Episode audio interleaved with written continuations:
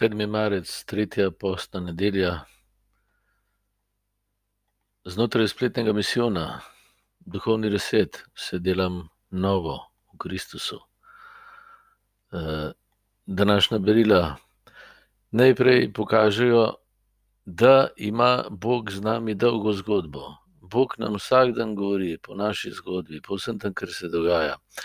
Deset zapovedi izraelskih, kaj kaže? Kako jih je Bog izpeljal iz egiptovske sužnjosti, iz tega, da niso bili, njegovo ljudstvo, ampak predmet faraona za potrošnjo.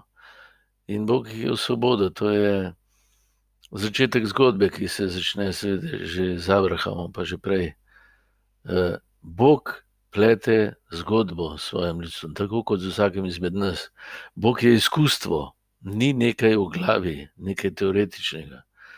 Ampak je, zgodba z nami.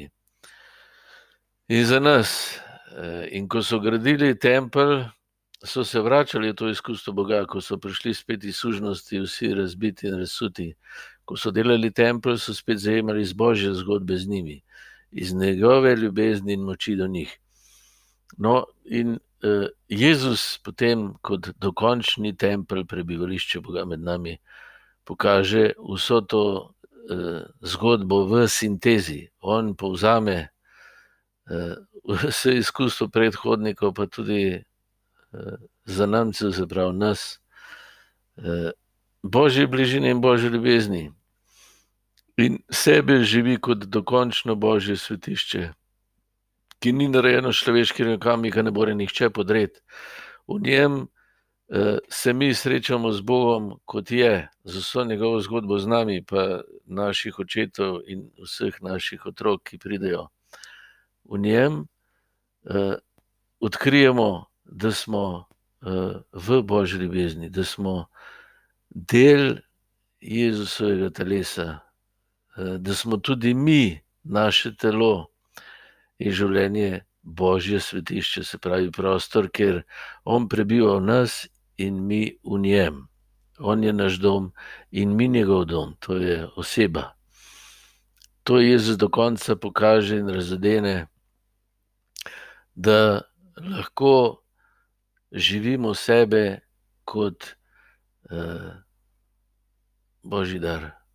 Kot, sinove, da ista ljubezen, ki jo ima, Bog do Jezusa, tudi v meni in lahko tudi jaz vsak dan živim sredi teh izzivov, sredi teh ljudi, s katerimi sem, sredi te krhkosti, ki jo v sebi doživljam, sredi svoje omejenosti, sredi politične situacije, sredi vsega tega, kar mi je lepo, in vsega, kar mi je težko in hudo. vse je priložnost, da me Bog vabi, da zajamem iz njegove ljubezni, ki je ista, ki jo ima do sina in sin do njega.